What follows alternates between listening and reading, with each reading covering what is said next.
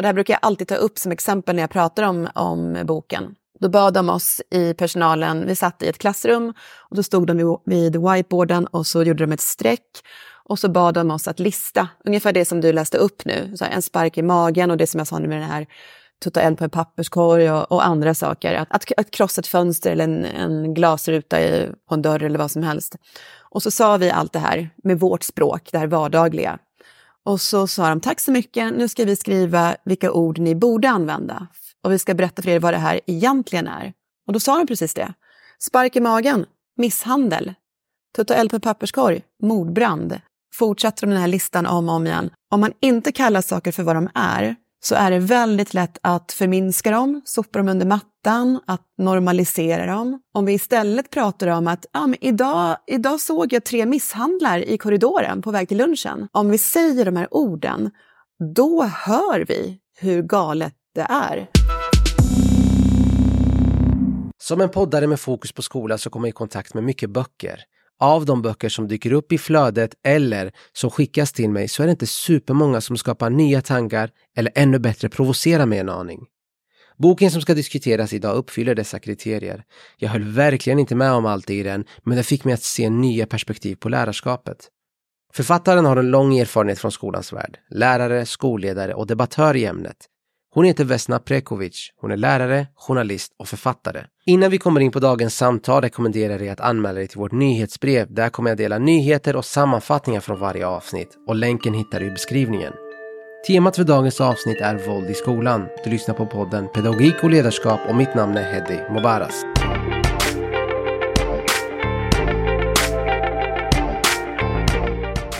Vesna Prekovic Eh, fantastiskt att ha med dig här i podden. Jag är, eh, jag är ett stort fan av din bok.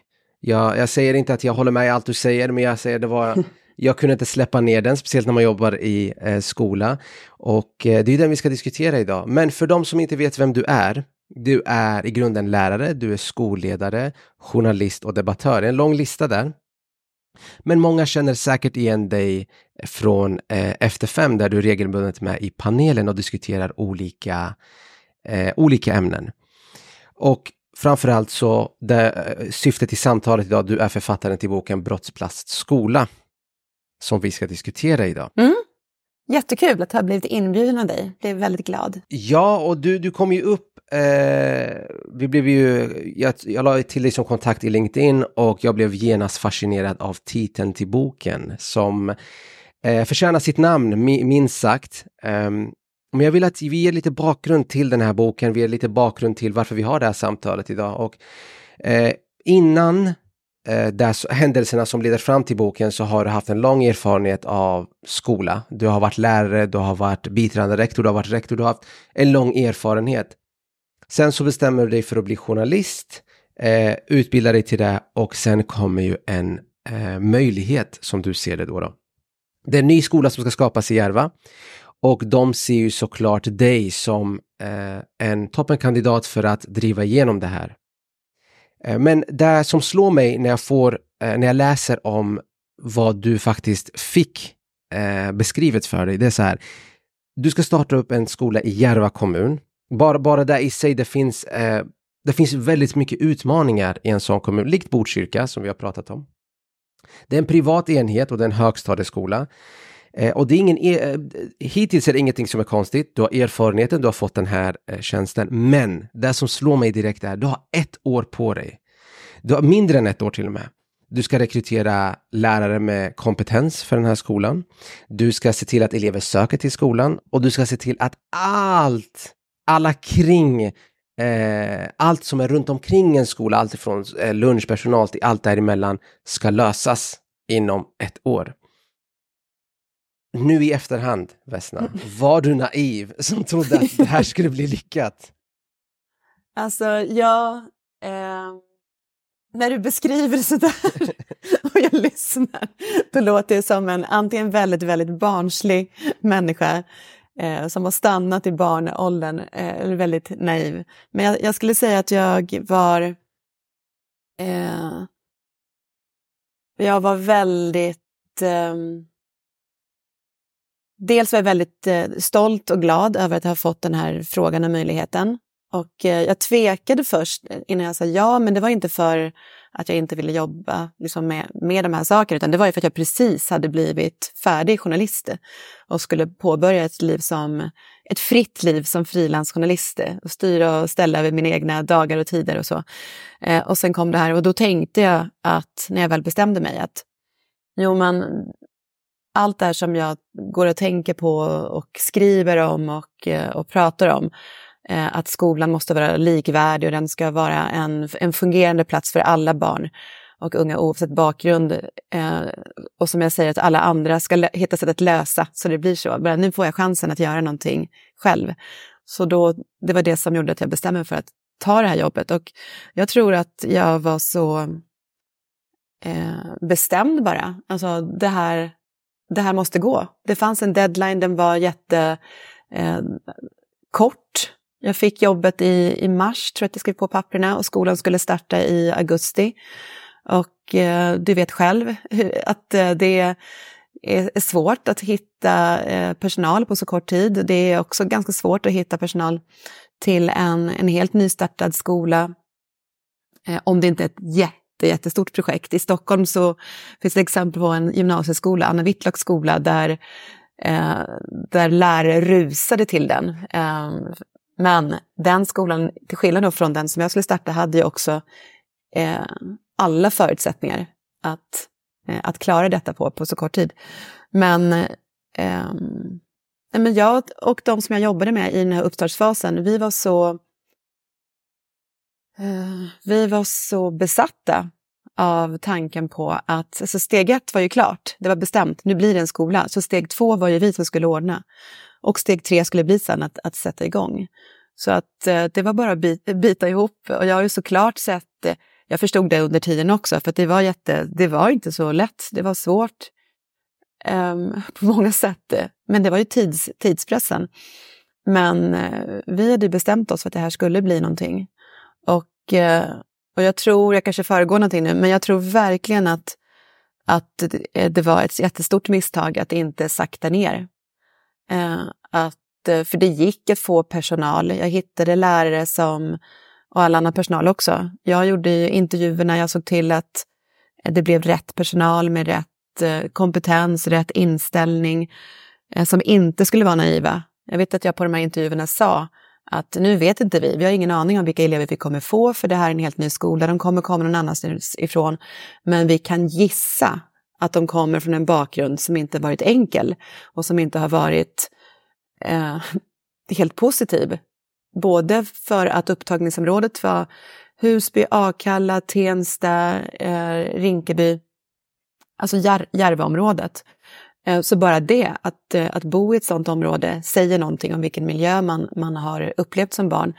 Men också att de skolorna, de andra grundskolorna, inte hade särskilt gott rykte, även om de skolorna också kämpade på såklart. Men det är resultat som inte riktigt var som de skulle, så att vi vi pratar väldigt mycket om det i alla de här anställningsintervjuerna. Att alla vi som nu eh, tar det här jobbet och börjar på den här skolan som vi då kan eh, påverka såklart väldigt, väldigt mycket som vi, vi grund, grundar den från start. Vi måste också förstå att det kommer bli mycket, mycket jobb.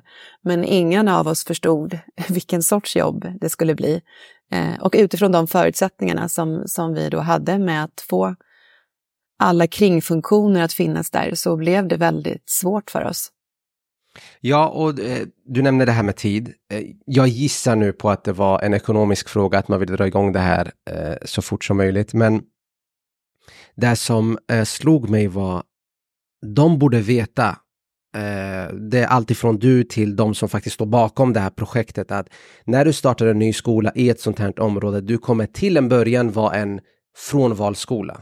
Alltså det här är elever som har varit missnöjda någon annanstans och mm. bara kolla, det här är en ny skola, alla våra problem kommer lösas när vi söker till den här skolan.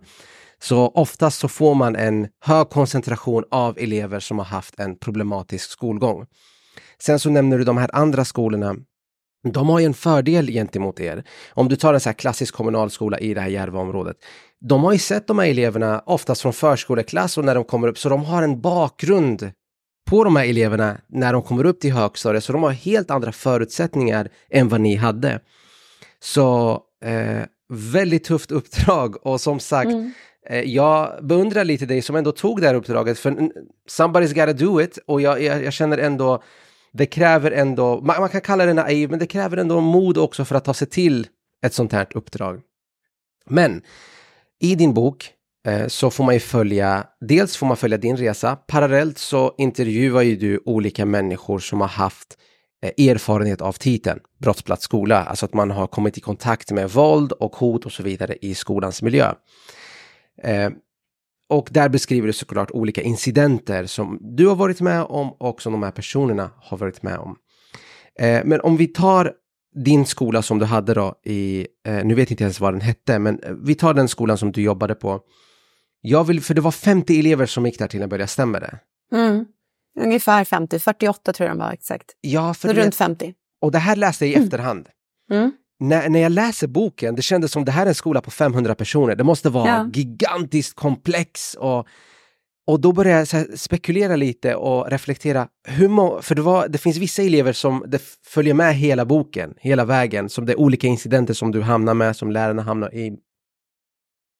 Om vi kvantifierar det här, hur många elever rörde det sig om som ställde till med den här enorma oredan? Ja, det är det här som är intressant och det är också det här som, som eh, brukar vara ett, eh, eh, ett mönster på alla de skolor som, som på något sätt har problem med eh, att det är hot eller våld eller så stök, för mycket stök än vad som ska kunna anses, liksom anses tillhöra vardagen, så är det ju inte en majoritet av eleverna på skolan, utan det är oftast en minoritet elever som står för det här. Och på vår skola så var det, jag skulle vilja säga att det var eh, Säg att det var kanske sex, sju stycken som stod för, för allt. Och av de sex, sju så var det kanske fyra, fem av dem som eh, gjorde de, de mest allvarliga sakerna. Men som också då vet inte om det finns något bra uttryck för det, du kanske kan, kan hjälpa mig. Alltså typ så här hangarounds av något slag, som, alltså en svans. Mm. Men att det fanns en, en liten kärna som var styrande och som spred en, de, dels hade de en attityd som var nu för tiden så, så pratas det en del om så här, eh, gangsterkultur och gangsterattityd. Så att det är väl det närmaste jag kan liksom likställa det med. Att, att ha väldigt, vara väldigt kaxig ha väldigt mycket attityd, utmana, eh, bete sig som att eh, eh, det är de som bestämmer på skolan, äger skolan. Eh, och det kan visa sig på en massa olika sätt och det påverkar såklart de andra också. Så att en grupp elever tycker det här är väldigt obehagliga, obehagligt och drar sig undan. Och en annan eh, grupp elever dras till det här eh, och blir då den här lilla svansen. Men men inte många elever. Och bara som en, en jämförelse, för ett år, jag tror det var eh, i januari, februari förra året, 2023, så rapporterar media ganska mycket om en skola nere i Skåne, som jag nu har glömt namnet på, jag vet inte om du minns det i rapporteringen. Det var en skola i alla fall där det var så mycket eh, incidenter så att de, fick, de stängde ner den skolan helt och hållet eh, i, jag tror två veckor innan sportlovet. För de hade kastat in hemmagjorda bomber i korridorerna och det hade varit ganska mycket som hade pågått under en längre tid och så till slut så fick, eh, fick alla nog. Så att det, jag tror det var, det var ett nämndbeslut tror jag till och med. Eh, och då läste jag i någon artikel att eh, apropå det här som jag sa precis, då var det, den här skolan hade 450 elever. På den här skolan var det ungefär fem elever som stod för det här och det var kaos. Och när jag läste det, då, då skrattade jag eh, högt för mig själv som en galen människa och tänkte, okej, okay, fem elever skapar oreda på en skola med 450 elever så pass mycket som måste stänga ner. Jag hade fem elever som skapade oreda bland 50 elever. Eh, där stängde vi inte ner, utan den här skolan höll öppet i liksom ett läsår. Så att Eh, jämför man det liksom proportionerligt så är det ju väldigt, väldigt, väldigt stor andel elever som jag hade. Det låter inte mycket, men om man tänker på hur stor, skola var, hur stor skolan var totalt, så det är klart att det betyder någonting. Alltså fyra, fem personer kan skapa skräck i ett helt bostadsområde, så det är klart man ja, kan kunna skapa ett skräck i en skola. Men det finns en sak som slår mig i allt det här. Mm. En kommunal skola kan inte fasa ut elever. Vare sig om man, nu pratar man inte jättemycket om det här i media, men en privat skola kan ju faktiskt på ett eller annat sätt försöka pusha ut eleverna för man har inte samma krav. Varför försökte du inte göra det? Nu vet jag inte om du gjorde det, men jag tänker... Vad menar du med fasa ut? Vad menar du? Att man på ett eller annat sätt försöker få eleven att sluta, alltså att byta skola. Ja, du menar så. Att, ja, det, det, är ju, det kan man väl göra om man har den eh, cyniska inställningen till vad skola är och vad elever är och vad lärare är och vad en rektor är. Eh, och att man skjuter det problemet ifrån sig. Men jag drevs ju eh, Ja, på ett sätt kan man väl säga då, om jag ska för, föregå lite av det som jag faktiskt gjorde, att, att jag eh, att jag ville göra. Alltså inte fasa ut dem, men jag ville ju ha bort dem från skolan. Elever som, som beter sig våldsamt, som hotar, som, som sparkar klasskamrater, som, som spottar sin rektor. Jag siktar in sig på mitt ansikte för att spotta på mig. Missar dock, träffar mig på armen istället. Det är klart att det är ett beteende som är helt oacceptabelt och att de disciplinära åtgärder som finns tycker jag ska användas, vilket jag också gjorde konstant utfärdade varningar, stängde av elever, försökte hitta sätt att eh, placera i, eh, utanför klassen då, i, i mindre grupper. Eh, och försökte också, fick väl till det en väldigt kort period, en, en omplacering som låg väldigt långt inne. Så det är ju ett sätt att kanske fasa ut eh, och samtidigt är det absolut inte det, utan det är bara att man gör det som man, man kan göra. Men Ja, jag tänker liksom att det här med att, att eh, det är en jätteintressant fråga, för jag tycker att det säger någonting om, om den syn som, som kan finnas på vissa ställen än i skolans värld. Jag är ju väldigt, väldigt kritisk mot alla som inte har eh, rätt anledning att, att driva en skola, vare sig det är kommunalt eller att det är en fristående skola. Och en skola är till för eleverna. Det är inte till för, för, det är inte till för mig som rektor eller det är inte till för lärare. Det är absolut inte till för några aktieägare som ska göra vinst på, på de här barnen och unga, utan skolan är till för eleverna och särskilt grundskolan. Vi har en, en lag i Sverige, det är en lagstadgad både skyldighet och rättighet att vara i skolan eh, i nio års tid. Så att, eh, och vi har de barn och unga, de elever vi, vi har. Så att det är bara att, eh, att se till att anpassa skolan efter de elever man får. Och det där blir ett väldigt stort glapp, för då kan man, vare sig man då tänker sig att, eh, att eh, eleverna in, alltså att de är, vad ska jag säga, Eh. man kan ha massvis med fördomar om elever liksom, eller, eller förutfattade meningar om hur de är och hur de borde vara. Och allt det får man på något sätt släppa. Problemet är att när man, eh, som i vårt fall, vi, vi visste ingenting. Vi kunde gissa, som jag sa, att det här skulle vara elever med, med stora behov på olika sätt.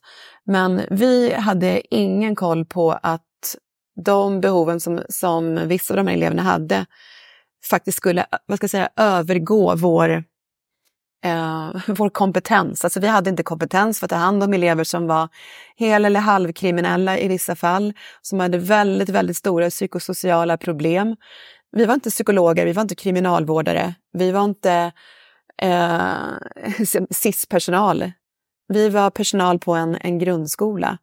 Eh, och jag tror att det, det är det som kanske blir då den, den lätt, lätt hitta utvägen, om man nu tycker det, att man har rätt med lätta utvägar, att som du säger då fasa ut de här, lämna över dem till någon annan, till någon annans problem. Men har man den inställningen så då ska man, då ska man nog inte ha skola. Då ska man nog inte liksom, driva en skola eller jobba på en skola. Väldigt fin inställning. Eh, nu vet jag... Ja, det låter väldigt så här, men i mitt hjärta så är det verkligen så jag känner. Eh, men problemet är ju att vi, vi har ett skolsystem. Eh, vi, har, vi har ett samhälle som ser ut så och som gör att den typen av tänkande och den typen av handlande är okej okay i, i, i skolans värld, vilket är helt absurt. Och det är då, eh, jag tänker också att det, det är det som visar att vi har tappat bort liksom, vad skolan ska vara och vem den är till för. Skulle man ha det i huvudet hela tiden, vem är den till för?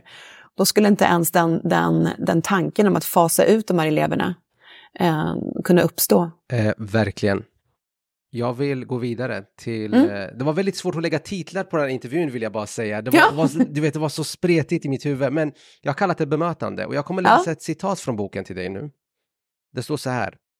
Att inte använda ordet misshandel för en spark i magen är att förminska händelsen och till och med förvanska den. Jag tror att en hel del våld som vi ser i svensk skola hade kunnat undvikas om vi mycket tidigare såg elevens handling för det brott det är och satte in åtgärder därefter. Vad är det för åtgärder vi saknar? Till exempel så saknas det en, um, en anmälningsförmåga jag tillhör ju den, den, den hårda falangen i det här som tycker att det spelar ingen roll om det är en, en elev som inte är straffmyndig. Uh, så, alltså så här, om man begår ett brott att sparka någon i magen är ett brott. Det finns en brottsrubricering, det är misshandel. Att tutta eld på en papperskorg i korridoren medan det pågår lektioner några meter därifrån, det är inte bara att tutta eld på en papperskorg, det är att eh, ställa till med mord, mordbrand. Och det här har jag blivit eh, väldigt, väldigt övertygad om ända sedan den dagen jag hade besök på skolan där jag jobbade då och, av två poliser, områdespoliser som eh, kom och hälsade på och vi bokade in en, en eftermiddag när de skulle hålla en, en liten föreläsning för oss, eller en liten lektion tyckte de. Och det här brukar jag alltid ta upp som exempel när jag pratar om, om boken. Då bad de oss i personalen, vi satt i ett klassrum och då stod de vid whiteboarden och så gjorde de ett streck och så bad de oss att lista, ungefär det som du läste upp nu, så en spark i magen och det som jag sa nu med den här tutta eld på en papperskorg och, och andra saker. Att sabotera en, eh, att, att krossa ett fönster eller en, en glasruta i, på en dörr eller vad som helst. Och så sa vi allt det här med vårt språk, det här vardagliga. Och så sa de, tack så mycket, nu ska vi skriva vilka ord ni borde använda. Och vi ska berätta för er vad det här egentligen är. Och då sa de precis det. Spark i magen, misshandel, tutta eld på en papperskorg, mordbrand, och så liksom, det här är olaga hot, det här är skadegörelse, det här är... Och så fortsätter de den här listan om och om igen. Och för mig var det, trots att jag visste det här, så var det ändå som att det öppnades upp en lucka i mitt huvud där jag såg att, eh, och det har jag verkligen tänkt ända sedan dess, jag tror att det här är ett jättestort problem därför att om man, om man inte kallar saker för vad de är, så är det väldigt lätt att förminska dem, sopa dem under mattan, att normalisera dem. Eh, om vi istället pratar om att ah, men idag, idag såg jag tre misshandlar i korridoren på väg till lunchen. Eh, ja, jag, jag hörde en kollega bli, bli utsatt för eh, fyra olaga hot redan under mentorstiden. Förstår du vad jag menar? Om vi säger de här orden, då hör vi hur galet det är. Och eh, och de sa också, som jag också trott på ända sedan dess och som jag brukar propagera för, allting som man kan sätta en brottsrubricering på, det ska polisanmälas från skolan. Och sen blir det polisens sak att lägga ner ärendet, vilket de gör, om det är elever som är under 15 år. Ehm, men det betyder ändå någonting att ha gjort den här polisanmälan. Dels betyder det någonting i rent signalvärde, från, från skolan. Man visar, Eh, man visar personalen, man visar eleverna, man visar föräldrarna. Det här är absolut inte okej. Okay. Det du har gjort är så pass allvarligt till och med att det blir en polisanmälan. Polisen eh, kan också Dels så kan de ju avskriva det här för att det är en 14-åring och inte en 15-åring, men det läggs inte i en papperskorg någonstans utan det läggs i en liten hög som gör att socialtjänsten sen kan kanske börja agera lite snabbare när de märker att hoppsan, här har vi en elev som går i sjuan, åttan och som redan har allt det här eh, på sig. Så därför tycker jag det är otroligt viktigt att man gör det. Och samma sak med, eh, jag gjorde, hade en föreläsning igår för, för en massa lärare. Sveriges lärare hade ordnat, jag gjorde en digital föreläsning, så fick jag frågor på slutet. Och så var det någon som som undrade hur man, eh, också hur man skulle tänka med, med yngre barn. Så här, man, man polisanmäler väl inte en så här, fyraåring eller femåring om man jag vet inte om du tänkte komma in på det, men man, man ser ofta de här beteendena som är normbrytande, både i, i, i tal och i, i handling, när barn är riktigt små. Nej, men det är klart att du inte polisanmäler en fyraåring. Eh, för det, det, tycker till och med jag som är så hård är absurt. Men då gör man en orosanmälan. Självklart gör man en orosanmälan om man ser och hör ett beteende från ett så litet barn. För alla pratar om att, eh, ja men du vet, när, när, nu när vi har den här gängkriminaliteten som diskuteras i samhället, att allt yngre barn dras in i det här och det, det är skolbarn som inte heller sköter skolan och så. Och så, säger, så hör man ibland de här fraserna som, ja, vi såg det här redan på förskolan. Och nu är den här killen 14-15 år, men vi såg det redan eh, på förskolan. Och det är då det blir error i mitt huvud när jag tänker, om man såg det här redan på förskolan, varför har man inte agerat då mycket, mycket hårdare, mycket skarpare? Och jag tror att, att det delvis är för att man, man undviker att anmäla vare sig av okunskap eller av eh, för att det har blivit något slags normaliserat sätt att se på det här. Det här ingår i vårt jobb. Eh, man får tåla det här. De är barn, de kan bli lite arga, eller det är tonåringar, de har utbrott i hormonerna. Man ska inte acceptera någonting överhuvudtaget som finns i skolan som vi inte skulle acceptera utanför skolan. Så det är det jag liksom tjatar om hela tiden, att, att eh, kalla det för vad det är. Det är en misshandel, det är inte bara en spark. Ja, det är intressant det här med orosanmälningar och anledningar till varför det inte händer. Jag tror det är lite mer komplicerat än så. Det kan absolut vara en del i att det har blivit normaliserat. Det kan vara en del. En annan del kan vara att man inte vill göra föräldrar upprörda. Man, man, vill inte, man, man är konflikträdd helt enkelt för man vet att frågan kommer komma och man känner inte att... Eh, som, det kanske blir nästan som att man känner inte att man har tillräckligt med kött på benen för att ha gjort det och det, det kommer bli en argumentation och så vidare. Sen var det en annan grej jag tänkte på. Eh, det var den här boken Familjen. De pratar ja. om eh, det här i eh, Göteborg och att man eh, orosanmälningar bara försvann och det, det, ytterligare ett lager av komplexitet och så vidare.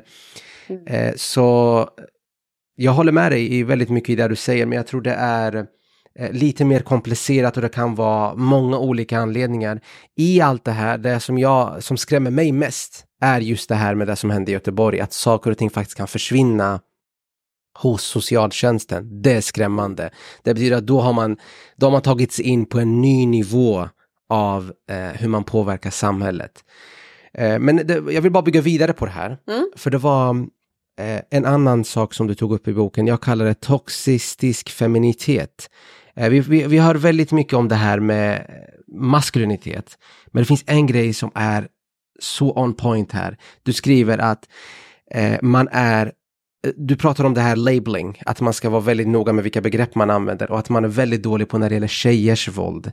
Um, du beskriver att det kan vara fysisk misshandel, men oftast när det gäller tjejer så är det faktiskt psykisk misshandel. Det kan vara utfrysning, det kan vara ryktesspridning, allt däremellan. Eh, och du menar att det oftast inte stämplas som misshandel, vilket det faktiskt är. Och här tror jag också det finns ett jättestort problem och gap. För om vi, om vi skulle bara lyssna tillbaka på intervjun här så är det väldigt mycket pojkar som dyker upp i mm. vår konversation. Och det är lite tråkigt att man missar tjejer i den här också. För jag, om jag minns rätt i din bok så var, du pratade om de här fem, sex personerna, några av dem var tjejer också, stämmer inte det? Eh, det i, i praktiken var det en tjej av dem. Men det, majoriteten var killar och majoriteten är killar rent statistiskt också.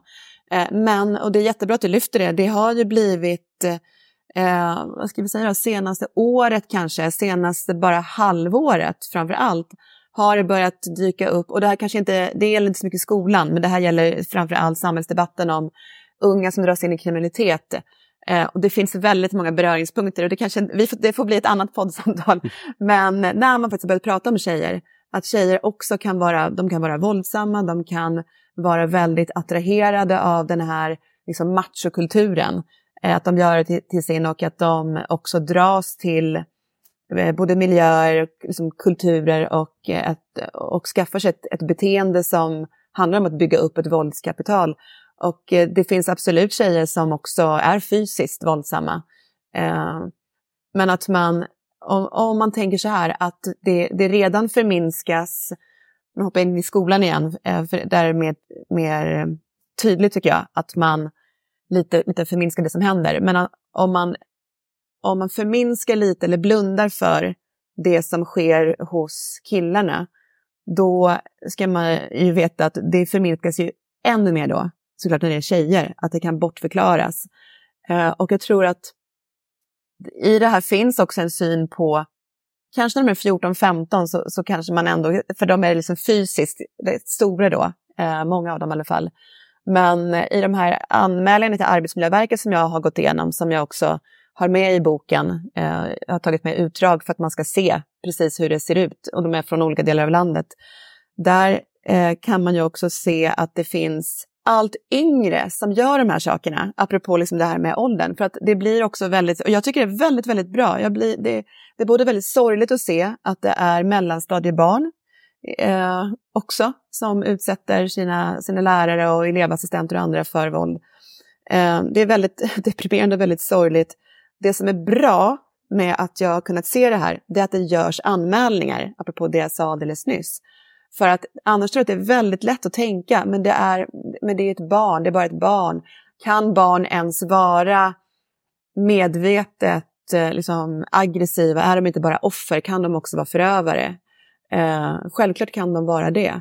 Och den där bilden av att tjejer definitivt inte kan vara det, den tror jag är så djupt rotad, att man har en bild av att, att eh, flickor står för det goda, eh, pojkar står för, inte det onda då, men det här eh, aggressiva, det här våldsamma, att det finns någonting nästan biologiskt är det som att vissa vill få det till att tjejer är inte ens kapabla för de är så himla snälla. Eh, och killar är mer liksom utmanande och, och så. Men absolut, och eh, jag tror att, att eh, det kommer bli näst, nästa stora diskussionsämne, eller det som kommer lyftas mer och mer.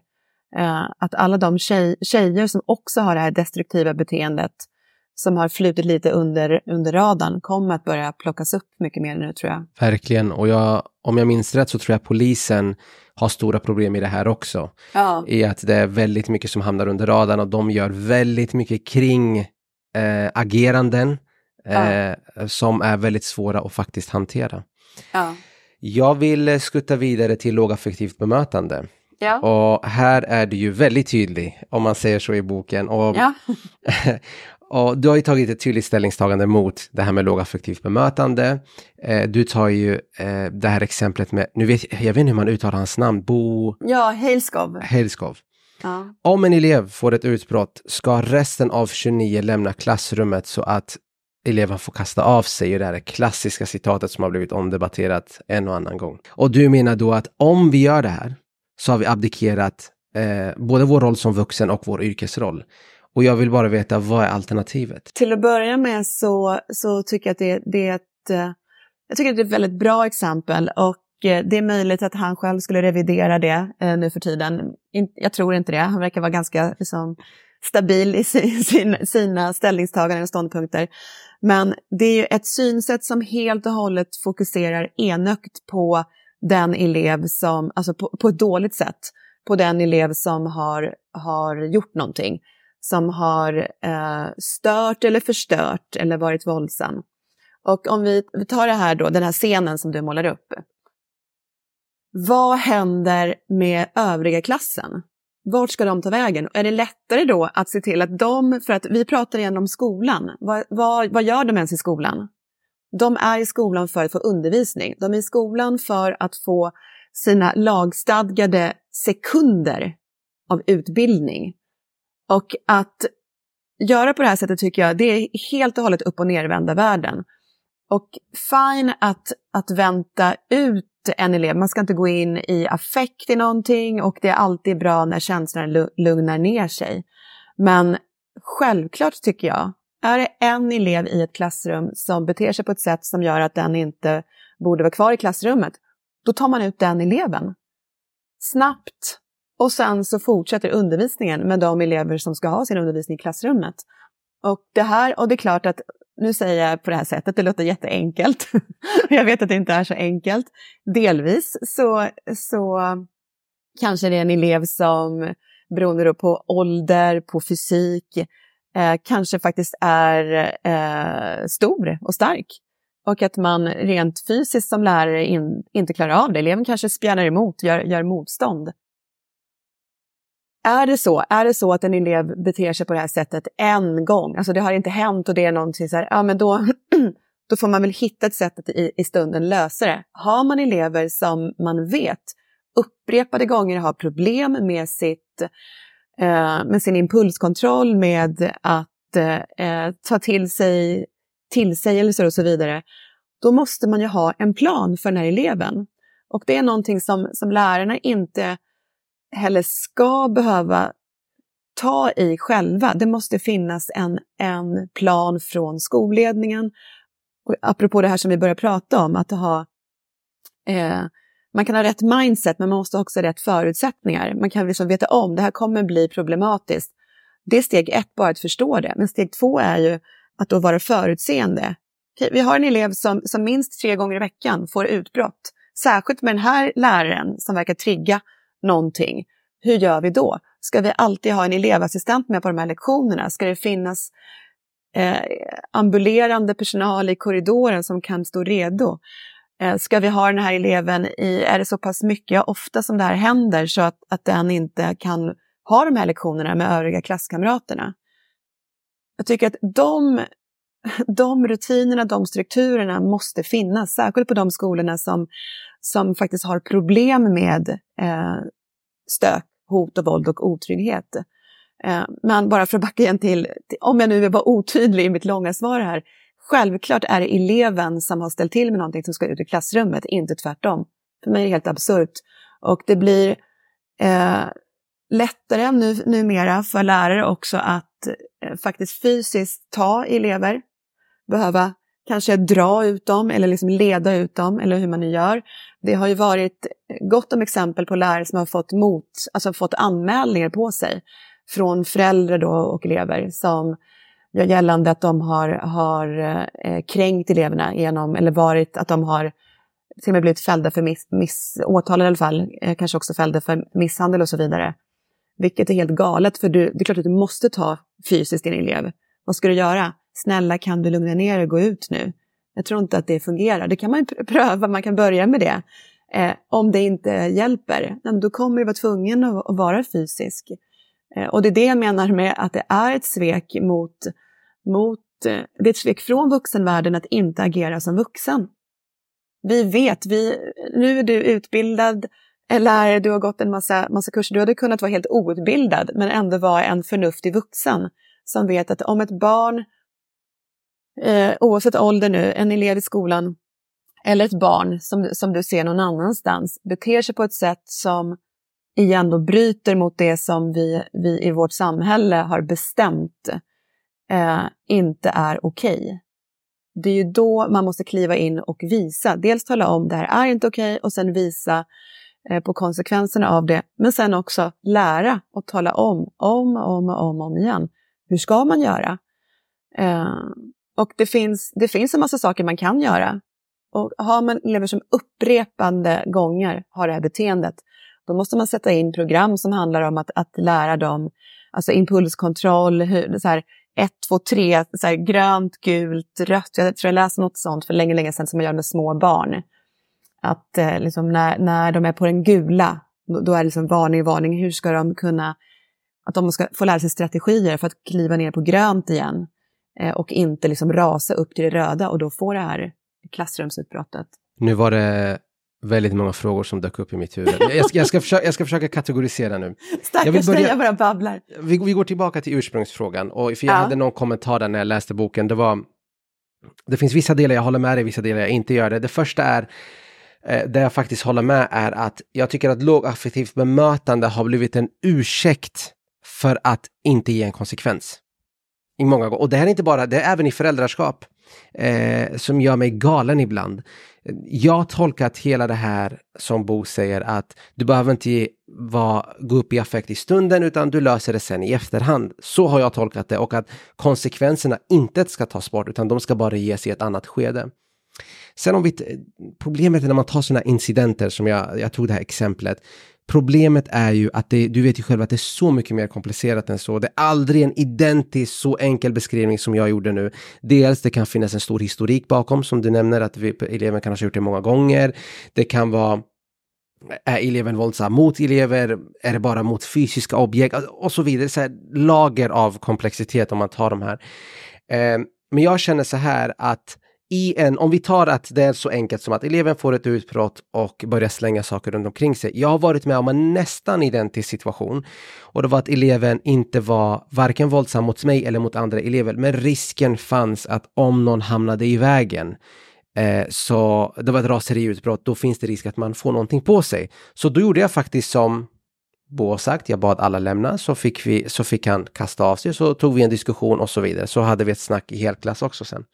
För jag känner så här, jag hade fysiskt kunnat ta ut den eleven. Enkelt. Även om jag har lagen emot mig eller inte, vill inte jag göra det. För jag känner, jag är ingen vakt, jag är inte... Jag vill inte använda min fysiska förmåga i den stunden. För det är så mycket som kan gå snett längs vägen om jag skulle göra så. Eh, utan att man i efterhand tar diskussionen med eleven och i helklass. För det blir nästan som att man blir som en vakt då och jag, jag, jag gillar inte det jag gillar inte att man hamnar i den rollen. Sen så nämner du även det andra att om jag är en kvinna hade det kanske varit ännu svårare eh, om man ska ta den här fysiska rollen mot eleven eh, och så vidare. Så och samtidigt så jag tycker inte vi kan sådana här saker måste vi på något sätt vara redo för. För det är ändå barn vi pratar om och de har inte alltid kontroll av sina känslor. Sådana här situationer kan dyka upp. Där du nämner det här med att man ska skapa någon form av systematik kring eleven. Eh, så här att man sitter och diskuterar, men vi kanske borde lägga in en sån person och så vidare. Det är en jättefin tanke, men både du och jag vet att det inte alltid finns de resurserna att ha en extra person med på lektionen. Att, eh, och inte nog med det, vissa till och med kämpar med att om du nämner det på ett möte ja men Heddy var galen på mötet, han gjorde det ena och det andra, så kanske någon lärare sig, ja men han är perfekt på mina lektioner. Och, och man, man, känner att man inte ens får fram, att man inte ens kommer fram, så eh, där du beskriver, det, det blir lite som att det är idealsituationen och jag håller med dig om att det vore en bra lösning, men jag tror många gånger kommer verkligheten i Eh, och det är så här brist på resurser, man har brist på förståelse från eh, rektors håll, från medarbetarnas håll och så vidare. Eh, men det jag, jag, jag, tror vi kan hålla med varandra om är just det här med konsekvenser, att det har blivit en ursäkt för att inte ge konsekvenser i väldigt många olika eh, sammanhang. Och jag håller också med dig till viss del, men inte alls. Du, du, sa, du sa ett ord där som jag tycker är bra att haka upp eh, sig, eh, att stanna till vid. Verkligheten. verkligen ser det ut så. Verkligheten ser ut så som att anmälningarna när det gäller hot och våld i skolan ökar, ökar, ökar för varje år som går. Det är verkligheten, vilket betyder, antingen så betyder det, det är som med all statistik, man vet inte, är det liksom anmälningsbenägenheten som har ökat eller är det de faktiska händelserna? Det, det kan inte Arbetsmiljöverket svara på. Men eh, de siffrorna som jag fick fram från 2022, det var 858. Och, eh, och då, det var en fördubbling de senaste tio åren. Nu för 2023 Ja, de är sega med att svara mig för att jag har bett dem att få ut alla siffror för 2023 men de har inte skickat mig den. Men jag såg, de rapporterade på nyheterna i december att då var det 1058 innan året hade gått. Så att bara det är ju en ökning med, med i alla fall 200. Och, eh, och då tänker jag, det här är verkligheten. Även om de allra flesta skolor i Sverige inte har de här problemen Eh, jag tror att de allra flesta skolor, om inte 100 procent så nästan, har någon gång haft en incident med någon elev. Jag har svårt att tro att det, att det är helt lugnt. Så här. Men de skolor där det här faktiskt är återkommande, och då kan man såklart diskutera vad, vad det handlar om. Det handlar om att personalen är, eh, är en kultur på skolan, som, alltså, eh, utifrån hur man ser på, på ele, alltså elevsyn, det behöver inte vara lågaffektivt men det kan vara massa saker. Handlar det om en tystnadskultur? Handlar det om att man inte har stöd från skolledningen eller att skolledningen inte har stöd från, från huvudman och så vidare. Eh, men att det här är ett, ett eh, fenomen är fel ord, men att det här är eh, pågående eh, skandaler. kanske? Ja, nej men precis. De här, de här händelserna, de här företeelserna av eh, någon typ av, av eskalerande och normaliserande av det här, det här våldet. Det är det som, som jag tycker att alla som är i, eh, i beslutsfattande positioner som kan då eh, se det här för vad det är, de, de måste börja agera för att det här, de här siffrorna inte ska fortsätta öka. Och apropå resurser, det är klart, du har ju rätt i det, självklart är det det. Det kan också vara den här oförståelsen, men jag tänker på resurser. Eh, då får man vaska fram de resurserna. Det, det, är bara så, det är inget annat att, att göra. Jag skulle jättegärna vilja att eh, det var ju en, en rektor som blev väldigt omtalad i, i höstas, inte på grund av hot och våld, utan hon, hon spräckte medvetet budgeten. Eh, jag minns inte vilket, det var någon liten kommun någonstans och hon bara, tyvärr, jag, jag kan inte dra ner mer. Jag har elever som måste ha sin undervisning och de behöver stöd, de behöver det här och eh, det var inga stora extravaganser. Och så såg jag, läste någon intervju med henne, då hade hon sagt någonting i stil med eh, men fine, antingen så låter ni mig göra det här eller så vill jag att ni som bestämmer, alltså på förvaltningen och på politikerna då, då på den nivån, ge mig en lista. Här, här är mina elever. Ge mig en lista där ni motiverar vilka av de här som inte ska få sitt stöd. Vilka av de här ska vi också se till att, att, det, blir, att det blir lagbrott mot? För att det var grundskoleelever. Och så skulle jag vilja säga då, eh, på samma sätt med det här med, med våldet. Eh, här, här är all personal runt om i svenska skolor, för nu är jag fokuserad på liksom, våld mot personal. Här är alla dem. Ge mig en lista på dem som jag nu ska berätta för att ni förväntas gå till skolan och bli spottade på eller sparkade på eller bli kallade för mammaknullare och jävla hora eh, och samtidigt le och göra jobbet för att det finns ju inga resurser. Det, liksom, det går inte att hela tiden prata om att det inte finns resurser. Det är sant, det dras in på dem, eh, men, men det, det går inte. För att särskilt inte, du hör jag blir helt upphetsad av det här, särskilt inte, det blir väldigt, väldigt märkligt också när man pratar i resten av samhällsdebatten om oron för alla barn och ungdomar som man ser blir allt yngre, som dras in i gängkriminalitet, där det finns studier på, man kan se kopplingen, skolmisslyckanden. Eh, man kan också höra de här fina, fina orden från alla, att skolan är den mest förebyggande åtgärden man kan sätta in för att elever, ungdomar, barn och unga inte ska gå en mörk framtid till mötes. Så skolan är så himla viktig. Den ska vara en lugn, trygg plats. De ska lära sig massa saker så att de inte ska hamna i kriminalitet. Eh, och ändå så satsas det inte på skolorna. För det som är den, den absolut viktigaste saken som gör att, att det kan bli lugnt på en skola där både kunskapsutvecklingen går uppåt och där tryggheten går uppåt, det är en stabil lärarkår, erfarna utbildade lärare som har en så pass bra arbetsmiljö så att de stannar. Så att de kan bygga relationer och göra så som du gjorde med, med din elev. Kunna ta det här snacket, kunna ta det här samtalet.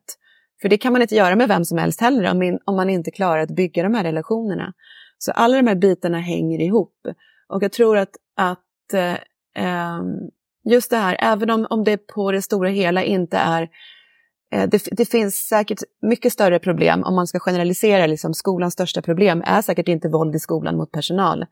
Eh, det är väl liksom att, att det inte finns personal ens en gång. Men det, det, får inte läggas ett lock på nu, för jag är väldigt glad över att liksom, locket är, är lyft på den här frågan. Eh, och för mig blir det, blir det väldigt märkligt att eh, det blir märkligt för mig att, att, uh, att inte ta den här på större allvar. Liksom, nu, nu pratar jag inte om dig, utan jag pratar om politiker och liksom andra på, så här, på samhällsdebattörer och andra. Uh, för att det här är lika viktigt att ta tag i som, som de andra, för alla saker hänger ihop. Absolut. agree to disagree i vissa, i vissa avseenden. Yeah. Men eh, nu blev det precis som jag förväntade mig. Jag har eh, många, många andra frågor kvar, men jag vill runda av med två frågor som hela tiden dök upp i mitt huvud när jag läste boken och det är den första frågan är, jag är en lärare som blir utsatt för våld på ett eller annat sätt. Du har varit på den änden av spektrat.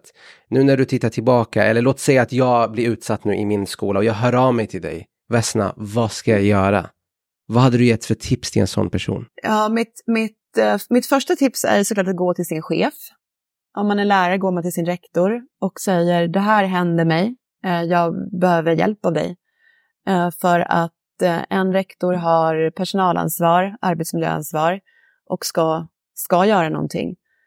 Och blir man inte tagen på allvar eller att man, man hör att det här förminskas eller att eh, ja, men det går nog över eller att, att på något sätt eller att den här eh, rektorn då säger att om någonting har hänt, apropå de här anmälningarna som jag tycker att man ska göra, eh, säger att men jag, jag gör en anmälan till Arbetsmiljöverket och det blir en polisanmälan. Och sen så undrar man varför man aldrig får hem en kopia på någon anmälan eller något liknande. Eh, då, då, då, kan jag tipsa om att man, man själv eh, undersöker det. Har det ens gjorts en anmälan? Har man inte gjort en anmälan från skolan så gör man den anmälan själv. Eller så går man till sitt fackförbund och tar hjälp av facket. Man ska i alla fall inte tänka att man står ensam. För det är inte, även om det både kan kännas så ibland och vara så ibland, så, så ska man inte vara ensam. Eh, att prata med kollegor är helt självklart, men vad ska kollegorna göra? Eh, de, de, kan göra, säkert göra en, en, del saker också, men man går helt enkelt till de som är ansvariga. Absolut. Min nästa fråga är, ja. låt vi leker i en värld där din tour som rektor i den här skolan i Järva gick toppen, fläckfritt. Och vad jag kan se framför mig då är att i en framtid längre bort så är det inte omöjligt att du själv hade blivit skolchef. Så då blir min fråga så här, om du var Vesnas skolchef, vad hade du gjort då annorlunda? Ja, om jag var skolchef då och skulle, skulle kunna påverka eh, ett helt område i skolan, då skulle jag göra det som Happy Hilmarsdottir gjorde i Järva som jag eh, också har intervjuat i boken. Hon, eh, när jag pratade med henne så pratade hon väldigt mycket om att, att hela tiden fokusera på, eh, på undervisningen. På att lärarna skulle få vara lärare, att plocka bort allt och alla i skolorna som inte hade med, med skola och undervisning att göra. Alla projekt, alla konsulter, alla som skulle in och skapa trygghet med hjälp av, eh, vad vet jag, nu hittar jag bara på här, yoga eller klappa hundar så blir du lugn. Bara ut! In, kompetenta, utbildade lärare som ges eh, möjligheter att få vara kompetenta eh, lärare. Eh, att helt och hållet satsa på skolan. Och jag tror att, att det som eh, det som hon gjorde där är inte, jag pratade med henne, vi, vi skrattar gott om det, så det här är inga Einstein-grejer. Det låter helt absurt när man säger det, att, att se till att skolan får vara en skola. Men det, det är, Eh, och det är enkelt på ett sätt, men jag tror också att det, det, det kommer krävas en synvända från, från många andra håll och kanter, för att skolan är idag allt möjligt. De som jobbar i skolan förväntas inte bara vara lärare i matte eller biträdande rektor eller skolkurator. Du ska också vara eh, psykolog, du ska vara polis, du ska vara socialtjänsteman eller kvinna, du ska vara vaktmästare, du ska vara marknadsförare, du ska vara administratör.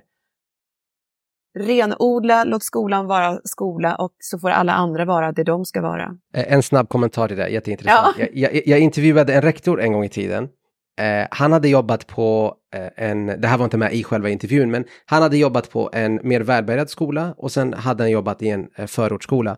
Han sa, du skulle vara förvånad om du läste min mailkorg och fick se hur många förslag jag fick på de här projekten. Alltså höger, vänster, gör det ena, gör det andra. Så jag tror, där du säger det, helt rätt, jag håller med dig. Men jag tror när man sitter där och får idé efter idé, att det är lätt att hänga med i det där och bara, ja men absolut, vi slänger in de här hundarna eller yogamattor eller vad det ena och det andra. Jag tror eh, just i de här förortsskolorna att det är väldigt mycket sådana här eldsjälar som ska in och göra det ena och det andra.